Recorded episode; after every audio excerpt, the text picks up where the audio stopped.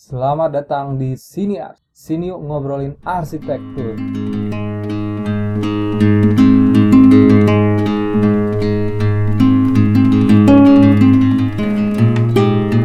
Jumpa lagi bersama saya Eser. Saya tidak sendiri karena episode kali ini saya ditemani oleh narasumber yang spesial.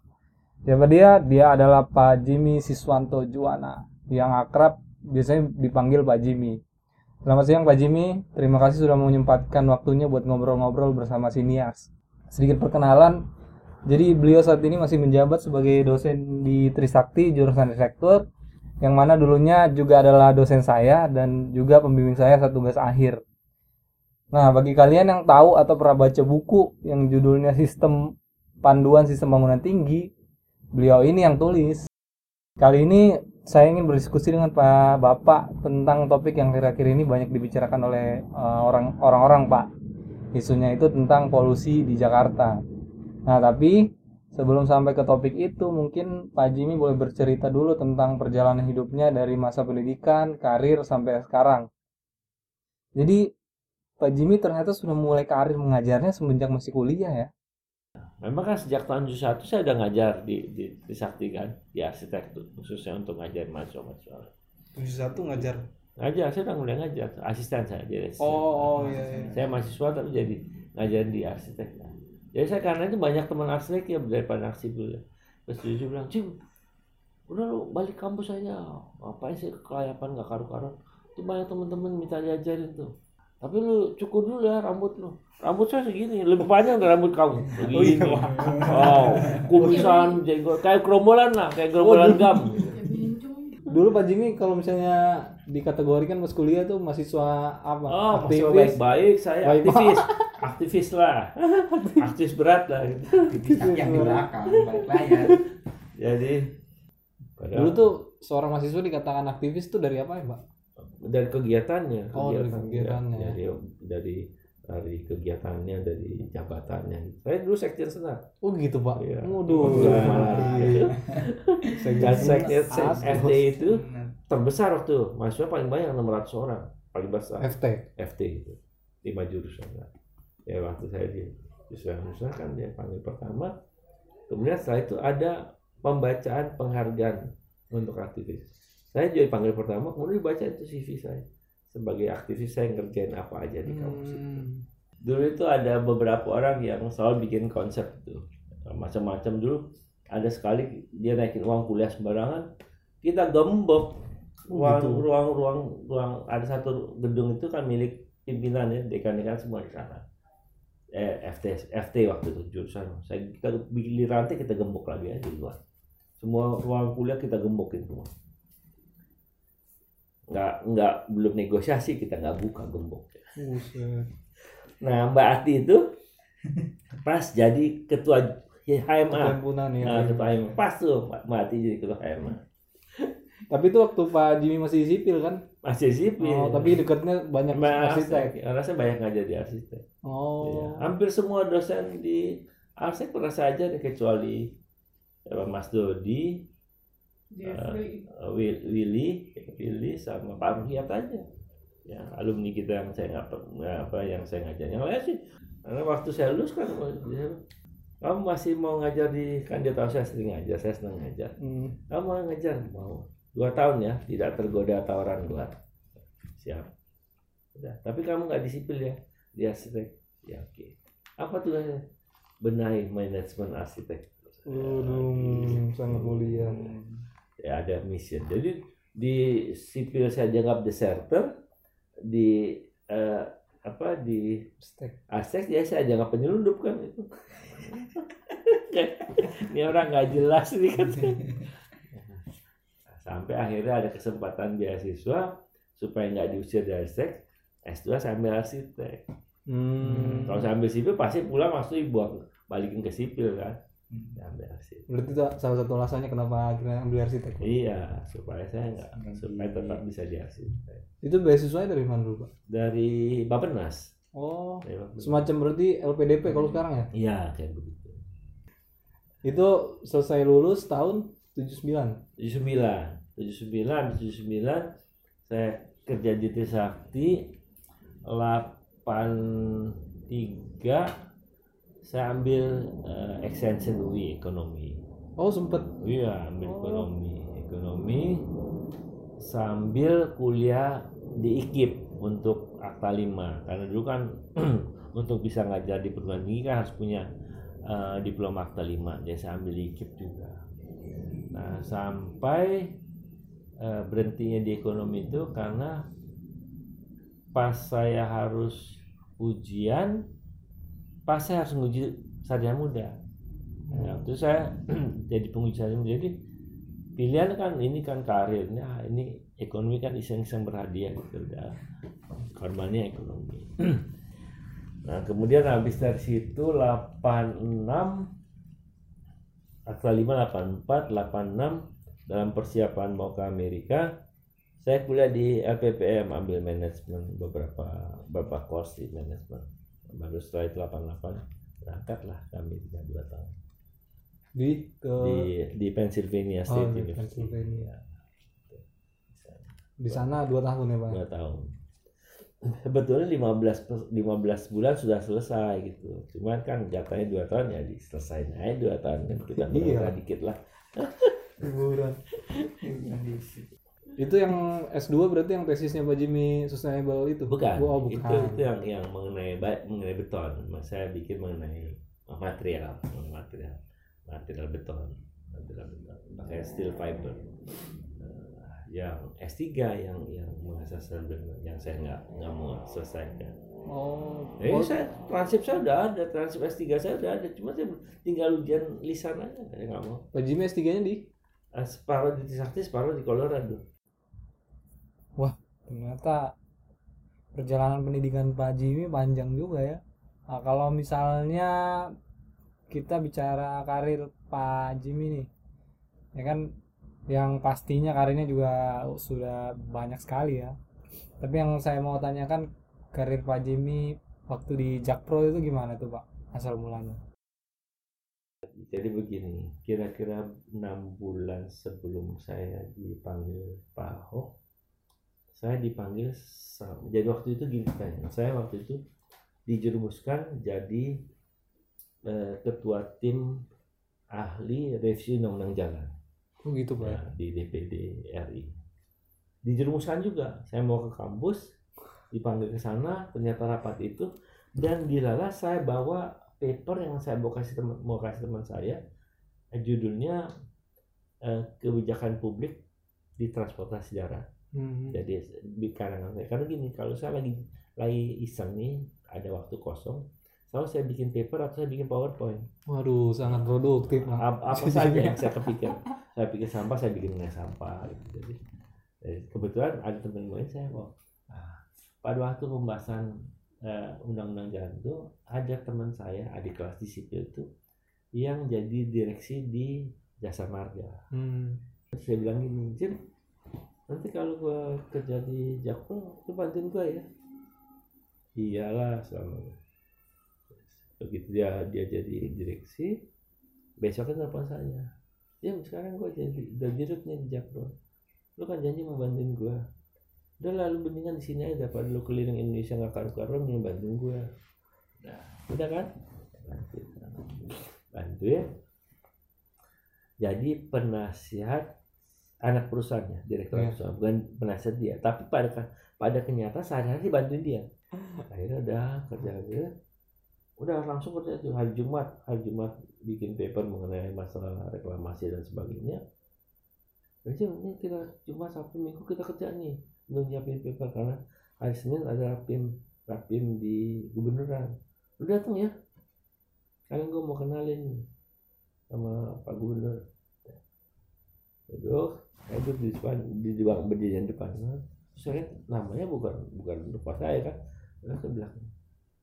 Aku belakang aja. Ini bukan tempat gue sih nggak enak. Udah nggak tapi dia jangan jauh jauh di belakang gue aja. Udah. saya rapat ya dia kan saya hari ini membawa uh, tim ahli saya Pak Jimmy ini.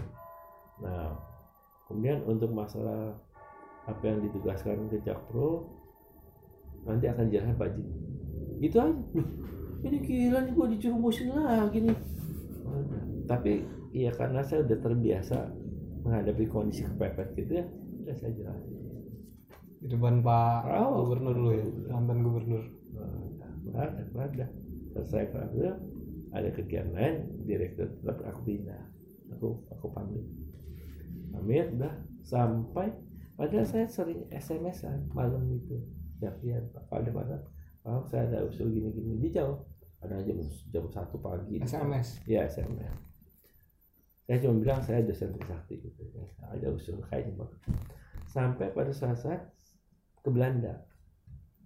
Ke Belanda direktur utama. Aku bilang Jim ikut.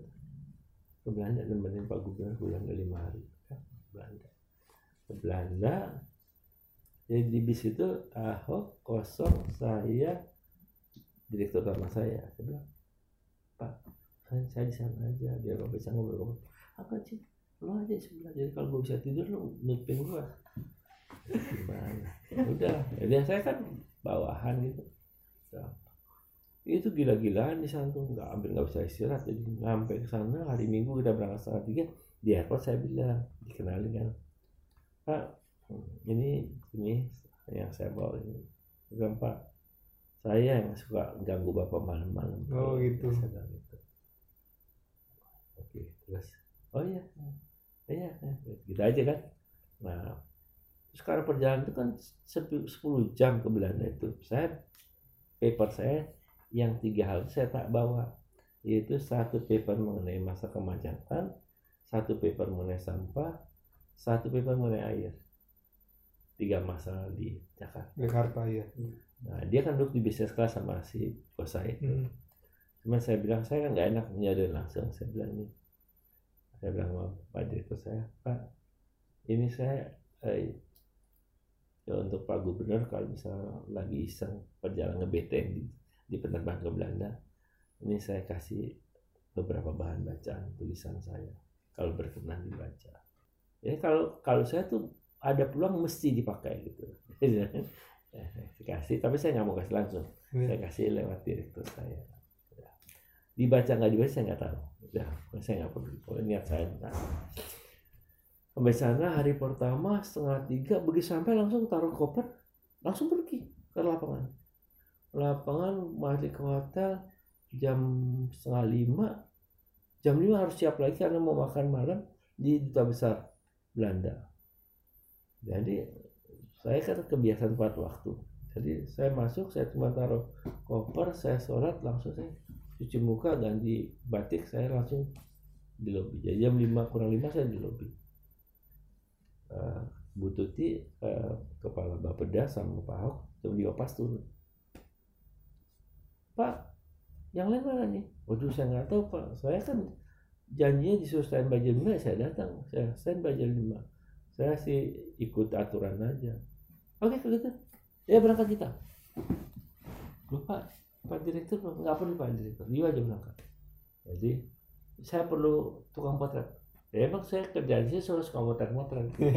Ya akhirnya supir saya di depan em, ketua Bapeda sampai aku bilang berempat Oh, ke iya. ketua besar. Yang lain belum datang. Jadi yang lain nyusul lagi lagi bis jadi di ruang makan duta besar itu jadi saya. Nggak ada direktur saya nggak ada direktur yang lain cuma saya. Jadi saya Pak Ahok Bapeda dah. Sama staf K- KBRI sana makan nah waktu sebelum itu dilaporkan bahwa ada orang masyarakat Indonesia yang mau ketemu. Terus eh, staf saya bilang kalau kita batasi 150 orang aja. Saya bilang "Ah, bapak kasihan pak. Setahu saya itu ada masyarakat Indonesia tuh ada yang dari Jerman ada yang dari Prancis Utara dari Belgia itu pagi-pagi udah berangkat ke Belanda untuk untuk untuk ketemu bapak Ketemu. jadi kalau dibatasi jangan apa biar aja semua teh olah itu aja jadi bebasin aja nggak ada ruginya gitu atau mereka nggak dikasih makan gitu ya sudah oke nah nggak usah dibatasi bebaskan aja sana hampir 600 orang tuh penuh sih Oh, iya. Aduh. Nah, saya turun kan bertiga itu dari ruang duta besar cuma bertiga. Saya dia jadi saya dikasih dikat orang pikir saya pengawalnya aja kan. Hmm. Saya. Pulang. Jadi saya pikir saya berangkat setengah tiga hari minggu hari minggu dari Jakarta saya baru istirahat selasa subuh jam 4 Oh gitu pak. jam setengah delapan udah berangkat lah nah udah hari kedua gitu hari ketiga ya biasa foto-foto no orang Jawa mau amat emang gue pikir sampang ya aja baju ditungguin Pak Gubernur Pak "Lah, ngapain saya lagi foto saya nggak nggak ada urusan sama itu kan dapat direktur saya enggak Pak Gubernur nunggu sampai pada saat kita pergi ke Politeknik yang bisa bikin 3D scanner gitu Hmm. jadi kalau berdiri di scan nanti Iya. keluar patung kecil 3D. Nah, kemudian operator nggak ada, jadi nggak bisa dicoba kan. Tapi ada patung kecil. gitu. Saya bilang sama orang itu, boleh nggak saya minta ini buat souvenir? Oh boleh boleh. Udah. Udah saya bawa aja saya pegang. Ini si, oh, aduh, orang kaget pak. Kenapa pak? Kan si, si Jim itu lagi disetir kepala bonekanya tuh. Kepala dia harus kepala boneka, kepala gua sakit nih. Ini bercandaan. Bercanda tuh. Maka lu hati-hati loh kalau kepala lu basah tuh berarti si Jimmy lagi kencingin kepalanya boneka itu tuh. Bercanda juga nih. Iya anak Trisakti kan. Iya. Iya ngocol juga kan melakukannya itu. Akhirnya pulang. Pulang dia mau ngepasin saya bilang Pak jangan ngepasin Pak. Pasti di bandar tuh banyak yang nungguin. Kasihan Pak. Udahlah dua jam sebelum berangkat kita ke sana lah. Bener kan? Tuh banyak orang. Lu kayak dukun aja gue pikir deh. Tahu segala. Akhirnya aku dibilang si Pak Profesor Dukun gitu. Oh gitu. Pak. Aduh. Nah, waktu yang perjalanan perjalanan ke bandar itu dia bilang ini. Oke itu yang yang di kamera Jimmy udah di copy belum tuh?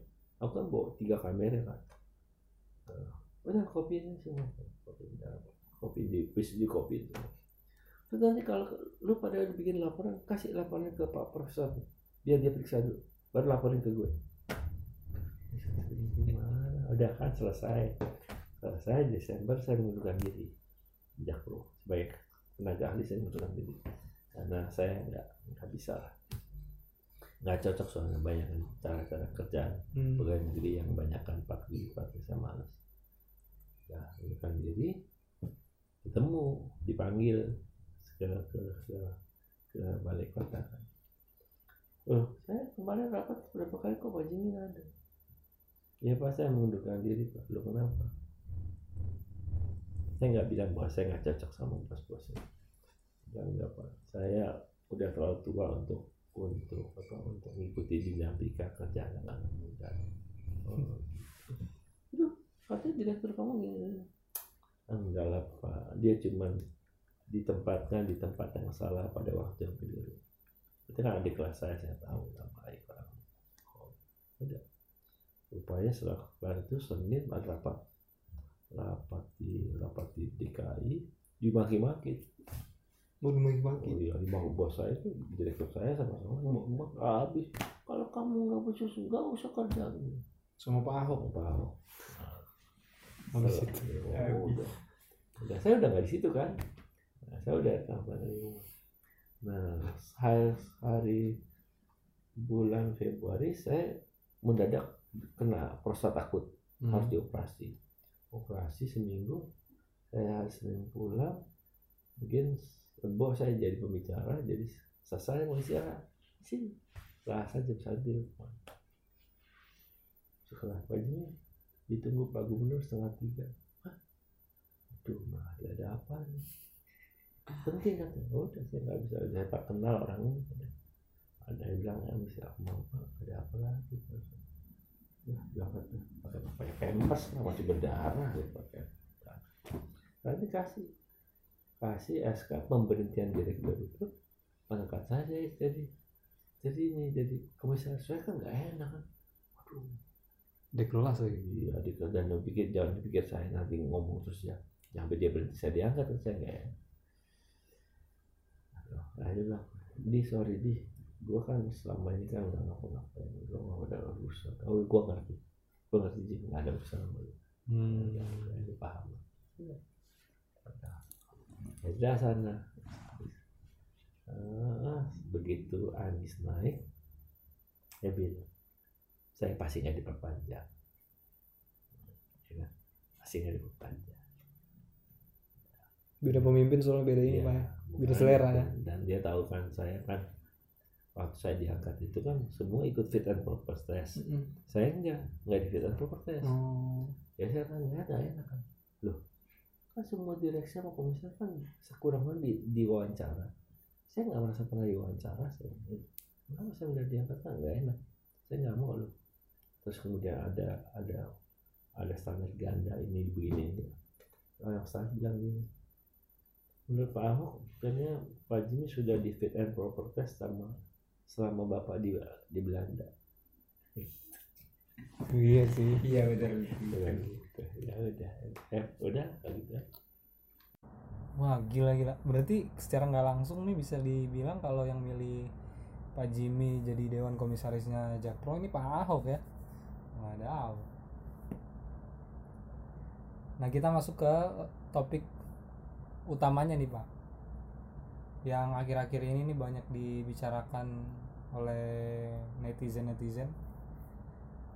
Isunya itu tentang isu polusi di Jakarta Pak. Jadi yang katanya ini makin hari nih kondisi udara Jakarta yang makin memburuk. Nah, dan setelah saya baca-baca nih, ada berbagai macam faktor yang mengakibatkan kondisi Jakarta seperti ini. Salah sa- salah satunya ada transportasi. Yang kedua itu ada dari faktor industrialisasi dan yang ketiga itu bisa dikatakan dari segi arsitekturalnya itu faktor bangunan. Nah, kenapa saya tertarik membicarakan hal ini kepada Pak Jimmy? Karena mengingat Pak Jimmy ini adalah anggota core founder Green Building Council Indonesia. Jadi gimana pendapat Pak Jimmy tentang isu ini? Eh, ya polisi Jakarta itu agak berat karena begini ini kan eh, ini kan terkait polisi yang terbesar karena transportasi Nah iya makanya kita mau bahas ke Nah. lebih ke bidang arsitektural. jadi begini sebetulnya eh, Indonesia terutama punya urban planning Iya. punya urban manage urban urban design Hmm. tapi nggak punya urban management Ya, ada yang bisa mendesain Mendesain, ya. merencana skala makro kemudian bisa ada yang mendesain skala mikro meso sama mikro. Tapi kalau jadi bagaimana dikelolanya nggak ada. Hmm, iya, iya. Ba- bagaimana mengelola antar pagar sama pagar? Mau diapain di ruangan ini dikelolanya? Hmm. nggak ada. Masa kaki lima eh, pedestrian taman transportasi kan di ruang kota tuh. Iya, iya. nggak ada yang bisa ya nggak ada ya. Mungkin ada cuman nggak ada nggak dioptimalkan. Sehingga contohnya eh, misalnya kita punya begitu banyak ragam kendaraan umum. Iya. bis besar bis sedang Istiqlal. tuyul gojek ojek payung. Nah, ini kan kan publik kan semua. Iya. menggunakan ruang kota yang sempit aja isinya dua orang dia meng- menggunakan ruang satu mobil. Hmm, ya kan? Iya. ini kan? Jadi nggak efektif. Nah angkot lah tuyul itu kan itu kan semua mobil pribadi yang dipakai umum. Iya. orang dia berhenti suka-suka hati kok. Hmm. sama ada yang ketok dia berhenti kan? Dia berhenti sini kan? Lima lima meter dia diketoknya dia berhenti juga kan? Kan itu kan menghambat. Jadi eh, apa kebijakan transportasi publik ini tidak bisa tidak bisa beres nah memang betul MRT LRT salah satu salah satu cara untuk mengurangi mobil pribadi Iya. jadi di Jakarta ini eh, nyaman untuk orang yang punya kendaraan pribadi Betul, Pak. motor pribadi, mo- mobil, Mobil pribadi. pribadi. karena transportasi umum tidak belum memadai. Ya, sekarang saya udah mulai enak ya, misalnya kalau rapat di PU ke Lebak Bulus, saya pakai MRT, 15 menit pasti nyampe. Kalau misalnya saya naik busway dari Trisakti Lebak Bulus satu jalan, gitu. dingin gitu. Nah, Seperti itu. Jadi saya memang lebih nyaman naik kendaraan kendaraan umum sekarang. Kalau kendaraan umum nyaman. Iya. Nah, itu pertama. Kedua, pedestrian kita tidak nyaman buat jalan kaki. Betul. Rebutan sama pegangan kaki lima, rebutan sama motor. Motor ya. Ya, bagaimana kita mau nyaman? Kemudian, kemudian juga tamannya indah tapi nggak rindang. Hmm, iya, iya, Enak iya. dilihat tapi tidak tidak bisa tidak bermanfaat. Jadi Nah, jadi ini kan mesti masukan dari si pengelola kota kan, Hmm. manajemen urban management ini yang oh ini begini di sini. Misalnya contohnya hmm, pedestrian naik turun di Surabaya bagus.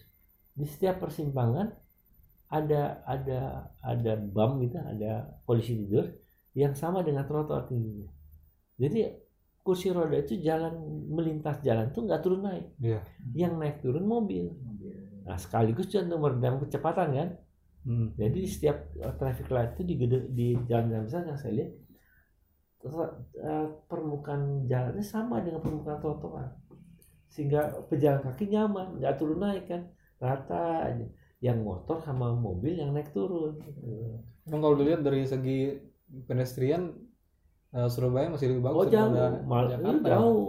Malah sekarang Bandung udah lebih, lebih baik dibanding Hmm. Jakarta. Ya kenapa? Karena oh itu jadi visi visinya.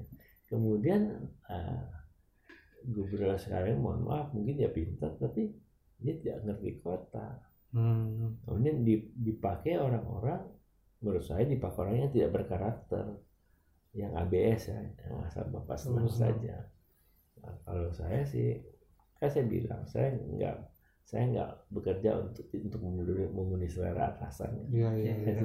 yang penting saya ikut aturan ikut sistem sama komitmen saya itu sisanya saya nggak peduli Nah, Tapi bukannya kalau misalnya apa eh, tentang urban design gitu-gitu kan ada kayak semacam NGO kan Pak? oh iya tapi NGO itu pengkhianat Minat gimana? Mas? pengkhianat bangsa lah dia kan di- di- didanai banyak didanai asing Iya. untuk makin-makin negara kita kan Hmm. Tapi waktu itu waktu ada pembicaraan di Erasmus House waktu saya di tahun Belanda saya membawakan mengenai masalah sumur resapan untuk mencegah intrusi air laut sama banjir. Ini NGO ngomong, bilang, ini omong ada data, cuma asal ngomong aja katanya katanya kan. Begitu ditekan, enggak ada. Dia yang penting ngomong kencang, kritik yang yang yang pedas itu pakai data nggak ada nggak masalah. Yang penting yang ngomong supaya dia bisa dibayar kan begitu. Wah, karena waktu di di Belanda tuh ada orang itu sama Ahok kan ngomong sembarangan sebenarnya saya nggak mau nanya yang bapak gini. Eh lu nanya apa gue? Mumpung gue di sini lu nanya apa gue jawab. Gitu. Bener nanya sembarangan. Wah naik juga. Ini orang kayak gini yang merusak negaranya. Begini aja buat gue. Kalau lebih pintar dari gue, lu ajarin gue. Kalau lu lebih bodoh dari gue, lu dengerin ngomongan gue. Itu aja. Jangan Hmm. macam-macam. ya. Jadi ngomong pes- sim, simpel aja gitu. Jadi banyak yang ngomongnya ngawur. Oh gitu. ya. Biar dia ada broker Iya, turun. ada broker kemudian wah Oh, eh, ada panggung kan, ada panggung. Hmm. Kan banyak orang nyari panggung. anjir. Padahal dia sebenarnya nggak bisa apa-apa. Kalau GBCI itu bukan NGO. NGO, Oh, itu tapi NGO kita juga. NGO kan terikat pada pada pada kesepakatan dunia kan. Eh, GBC ini kan anggota GB, GBC World ya. World. Jadi kita punya punya punya apa punya persyaratan untuk jadi sampai jadi established member pun juga bayar juga kemudian juga harus harus penuhi per, apa banyak hal dan sebagainya gitu. Gitu. Itu kan udah berdiri dari tahun 2004 Pak. Iya betul. Jadi 2004. em, sama di juga saya ribut juga akhirnya Oh, gitu. ribut saja sama ketuanya gitu. Jadi saya pernah saya dua kali jadi sekarang jadi saya jadi direktur lagi sana. Oh sekarang lagi. Iya, sekarang. saya, saya jadi diangkat jadi direktur. Dulu saya pernah jadi direktur, kemudian saya mundurkan diri karena saya nggak nggak bisa lah. Oh, berarti sekarang Pak Jimmy masih menjabat direktur. Saya, saya masih Oh, gitu. direktur direktur pengembangan rating ya, Ya, masih. Dulu saya jadi pejabat itu, kemudian saya mundurkan diri, Hmm. kemudian ganti ketua baru, ketuanya baru ini, ketua ini karena ketua ini saya menyalonkan, kemudian eh, dia bilang, eh lu nyalonin gua, lu mesti jadi direktur, kalau gua nggak mau, saya sebagai solidaritas ya, meskipun saya udah waktunya nyata tempat ya sudah lah. Dan karena itu kemudian saya bilang, dulu saya dibayar, jadi direktur sekarang saya- saya nggak mau dibayar, pro bono. Ya, saya pro bono kan agak bebas lah. Yang Rocky Gerung ya nggak dibayar, nggak dibayar. Terus itu kalau GBCI apa sebenarnya pak visi misinya terhadap Jadi sebetulnya ya, visinya kita hanya merubah perilaku. Ya. Jadi rating-rating itu pada pada akhirnya nggak diperlukan lagi kalau kita perilaku kita sudah Hmm. green. rating maksudnya yang green ship itu ya kan? agresif itu nggak perlu gitu wah udah platinum gold silver certified itu kalau semua udah punya pola pemikiran green nggak usah ada rating di rating ini kan untuk untuk memaksa orang iya berubah betul. pola berubah pola pikirnya Hmm. berubah perilakunya Hmm. tapi kalau misal eh, sudah berubah ya nggak perlu lagi seperti sama aja seperti di Jepang Jepang itu nggak pernah pakai ISO nggak pernah punya bakuan mutu karena apa? karena produk sudah bermutu oh iya pak ya Iya, mana mana produk produk Jepang ada pakai ISO berapa ISO nggak ada. Hmm. iya. terus Jepang, dalam rangka merubah pola pikir misinya apa tuh pak yang dilakukan ya ada setengah pemaksaan kan. oh yang Iya. itu Iya. dengan cara rating Iya, itu jadi wah rating ini masih masih voluntary kan, masih sukarela. Kemudian keluar kan Pergub Pergub ya Pergub 38 2012 2012 sama eh, Permen PU nomor 2 2015 kan. Hmm. Nah, itu ada pemaksaan sebenarnya, ada yang diwajibkan, ada yang dianjurkan dan ada yang disarankan. Kan ini yang gitu. tentang bangunan gedung hijau ya ya gedung hijau itu kan Hmm. begitu kan nah misalnya di Pergub 38 itu misalnya kantor yang di atas eh, total luasan 50 ribu 50 ribu persegi ya. harus menggunakan konsep green Iya, kalau nggak dapat IMB kan paksa tuh Iya gitu. kampus eh, bangunan pendidikan rumah sakit 20 ribu meter persegi Iya. harus pakai konsep green nah di- begitu juga di, di itu kan untuk untuk berlaku untuk seluruh kan swasta maupun Hmm. Nah, itu kan hanya DKI. Memang sekarang sudah merambat di Bandung, Surabaya, Semarang, Makassar, salah. belum yang yang yang sudah agak settle di Jakarta. Nah, kemudian di tingkat nasional dikeluarkan Pergub bangunan per, per, Permen. Permen bangunan hijau kan. Nah, yang difokuskan tuh bangunan gedung negara gitu. oh Nah, supaya kan bagaimanapun yang namanya negara bikin regulasi, terus masyarakat tanya kan, "Ah, saya mau bangunan gedung hijau nih. Mana dong contoh bangunan gedung negara yang pakai hijau? Iya. Kan mesti ada contohnya dong. Kalau nggak sama aja bohong. Oh gitu Jadi, nah, karena itu kemudian pada waktu bikin permen-permen itu, saya juga bantu ikut menyusunnya supaya uh, peraturan ini mestinya wajar lah. Dan peraturan menteri ini tidak hanya bisa digunakan untuk kota-kota besar, iya tapi juga untuk seluruh Indonesia. Karena gunanya kan emang buat Nasional, berubah pola pikir juga Iya. kan pak ya jadi semua orang harus bisa iya, ngikutin. jadi yang kalau misal uh, regulasi terlalu tinggi kan, akhirnya banyak pelanggaran. Sama seperti yang kuliah lah gitu. Dosen ngajar segini, pertanyaan ujian segini. oh iya iya betul ya? betul betul. Ya kan? Iya. Kan dia ngajar cuma segini. Mahasiswa disuruh disuruh jawab pertanyaan segini. Yang sekitar di mana? Nyontek kan? Oh itu yang membuat yang terjaga Iya. gitu. Kalau dia ngajar segini, pertanyaan segini. iya iya Kalau dia nggak bisa jawab, betul bisa. Tapi kalau misalnya dia ya ngajar minim-minim gitu, ya kulit-kulit yang soalnya yang filosofi, ya pasti nyontek lah. Mahasiswa kan udah bayar mau dapat nilai tinggi. iya Nah, seorang bayar mahal dapat C. Iya, terus yang masih jadi pertanyaan pak kan GBCI kan udah berdiri udah lama kan Iya. Nah tapi sekarang walau sekarang tuh polusi katanya makin meningkat walaupun ya kita nggak bisa menyalahkan Jadi begini, green building aja. kita green building kan memang karena sifatnya sukarela. oh gitu green building sukarela sifatnya. Mau boleh nggak nggak apa-apa kan. Kecuali dibuat regulasi eh, seperti pergub atau permen atau Hmm. perda gitu. Itu punya punya kekuatan untuk iya untuk memberikan sanksi kan. Pakai building nggak bisa. Ya dia yang kerjakan kalau nggak ya resiko ditanggung Jadi- sendiri kan. gitu. jadi semacam penasehat dia ya Iya hanya untuk negara untuk memberikan panduan Saran, aja ya. ya, untuk untuk hidup lebih sehat ke depan ya gitu kan jadi susah kita punya rating mengenai bangunan baru bangunan yang bisa dimanfaatkan dimanfaatkan ya untuk perumahan untuk interior, interior iya atau untuk kawasan hmm. jadi sebenarnya bisa dimanfaatkan ya Eh, kalau beberapa perusahaan atau perusahaan asing itu memiliki rating green itu prestis Hmm.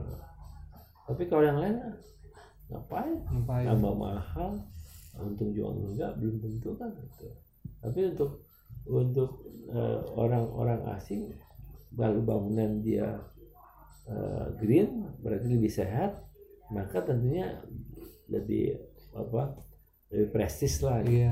gitu. Tapi mereka kayaknya udah sadar juga Iya. kalau misalnya bangunan green itu bukan cuma mahal tapi kualitas hidup orang yang sebetulnya tinggal. nggak mahal juga Oh gitu pak. kalau ya? mulai didesain dari awal nggak mahal juga Oh. nggak mahal juga dan secara regulasi sudah dimungkinkan untuk untuk menang- men- meningkatkan kualitasnya itu tanpa melanggar undang-undang karena di peraturan menteri PU yang baru yang yang nomor 22 2018 mengenai harga satuan bangunan gedung Iya. itu sudah bisa dimasukkan bahwa eh, penaikan kualitas bangun gedung melalui melalui konsep green boleh sampai 100 persen, 10 persen. gitu, Pak. ya kalau 10 persen itu bisa sampai platinum. Oh. Jadi sebenarnya dimungkinkan. Jadi eh, artinya dia bangunan itu lebih tinggi nggak jadi masalah. Jadi masalah Karena ya. Secara regulasi dibenarkan. gitu. Itu sebenarnya yang rating dari platinum gitu-gitu itu buat apa sih pak sebenarnya? Eh, untuk menilaikan eh, sejauh mana pencapaian dia dalam rangka melakukan efisiensi energi, Hmm. konservasi air, pemilihan tapak yang benar, konektivitas, mitigasi, eh, kualitas ruangan yang bagus, penggunaan eh, material Oh. lokal, kemudian manajemen persampahan. Jadi itu ratingnya supaya bisa menilai Iya. sejauh mana dia Iya. mengambil Kalau kalau dia bisa memenuhi semuanya, dia paling atas. Hmm. Nah, misal dia nggak bisa ngolah sampah secara baik, turun nilainya kan? Tapi ketika dia mendapatkan misalnya paling tinggi platinum pak. Iya. Nah itu keuntungan lainnya apa buat dia? Yang pasti bahwa dia bayar listrik dan bayar airnya bisa lebih murah. Oh gitu. Iya, karena biasa katakanlah kalau dia pak nggak green kan pasti dia eh, mesti boros penggunaan penggunaan listrik sama air. Iya benar ya. Ah. Jadi bisa saja misal gedung PU itu eh, dia 40% lebih hemat dibandingkan rata-rata perkantoran lah ya. Gedung PU. gedung PU yang baru itu. Oh. Dia di bawah 100 100 kilowatt jam per meter persegi per tahun. Padahal rata-rata gedung perkantoran 200 Oh, gitu, kilowatt jam per meter persegi per tahun. Itu karena desain bangunan yang green. Iya, jadi dipakai partisinya, Hmm. kemudian pakai eh, Perhitungan OTTV itu, Pak, ya? Over, iya OTTV-nya. Oh iya sih kalau misalnya dihitung-hitung kalau mahal di awal tapi nanti betul. pengoperasiannya lebih Iya, murah Pak. Karena itu konsep green kan itu kita lihatnya kan di biaya daur hidup kan, bukan biaya Oh, inisial. iya sih awal. benar sih. Itu Zak, benar, Zak. ya biaya keberlangsungan Nah repotnya kadang-kadang kalau ujian ada yang nanya soal green tapi nggak tahu konsep green. Balik lagi ke situ Pak. itu gimana tuh green? Terus sekarang kalau yang jadi masalah sebenarnya apa Pak? Kan sekarang sudah ada peraturan dari pemerintah kan. Ya karena Indonesia gemar melanggar peraturan. Oh itu, ya ya ya. Kan orang kita kan bangga kalau melanggar peraturan, apalagi nggak sampai nggak ketangkep kan. Wah, oh, melanggar situ nggak ketangkep loh hebat gitu.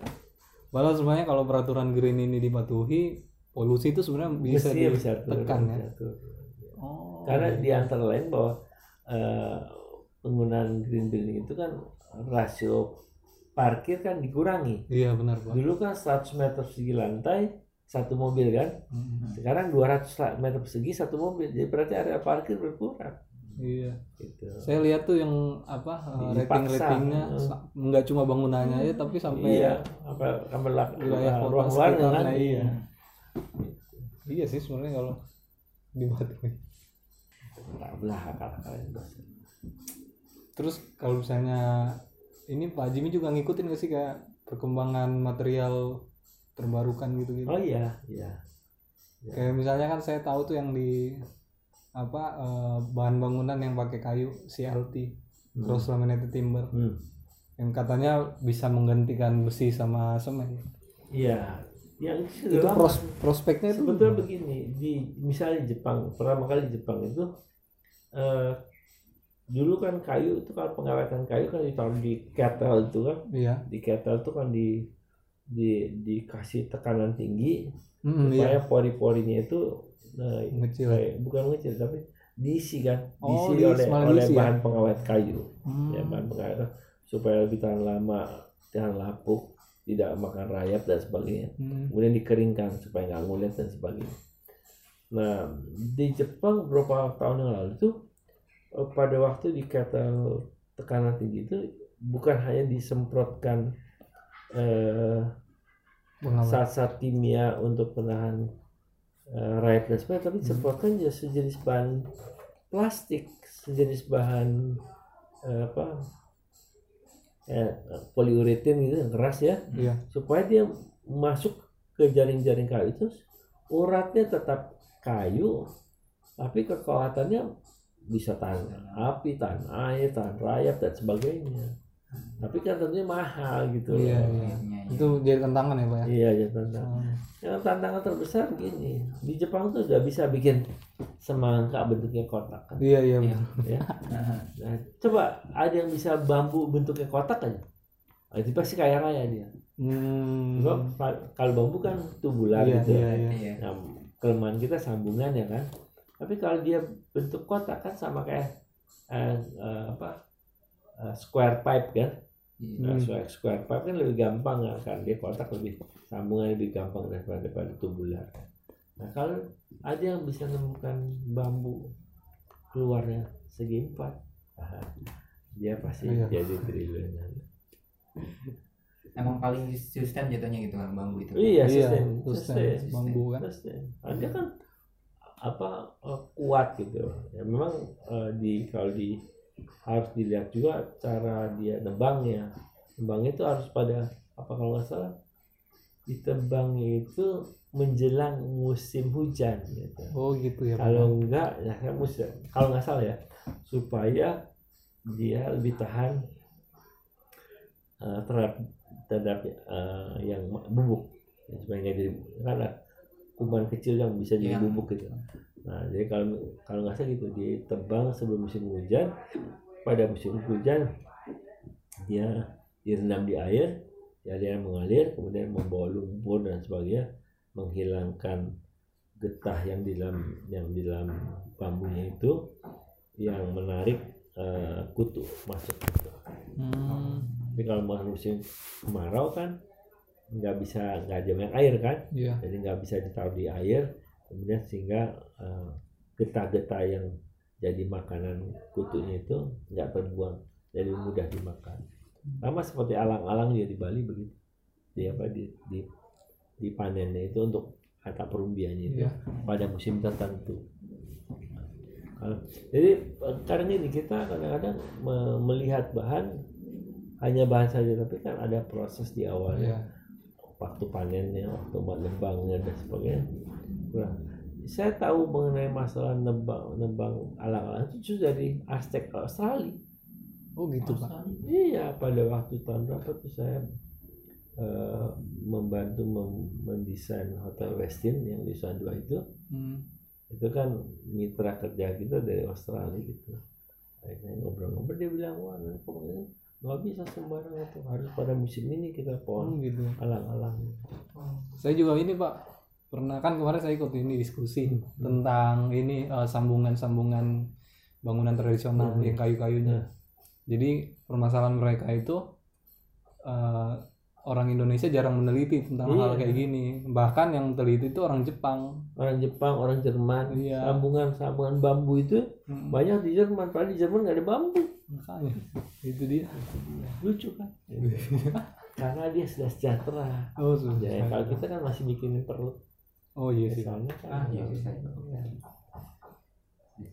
gitu terus kalau ini terakhir pak udah lama juga kita terakhir kalau misalnya eh, berarti eh, menurut Pak Jimmy penting ngaplasin green design ini penting sebenarnya pak ya buat Oh iya, karena kembali karena kita kan mendesain mendesain green itu kan dalam rangka eh, mencoba eh, secara eh, setapak demi setapak me- merubah perilaku yang pertama. Yang kedua kita harus sadar bahwa dunia ini bukan milik kita nih. hmm, Kita kan dititipin dititipin untuk diserahkan untuk anak cucu kan yang kita pakai suka-suka hati anak cucu di, dikasih ampas ya yang penting kan Iya, iya. Gue udah mati ini kan biar aja lu sengsara kamu gitu nggak gitu oke oke. Terus sama pesan kayak pejabat lah gitu. Oh. hukum gitu mungkin kita korupsi aja nanti kan.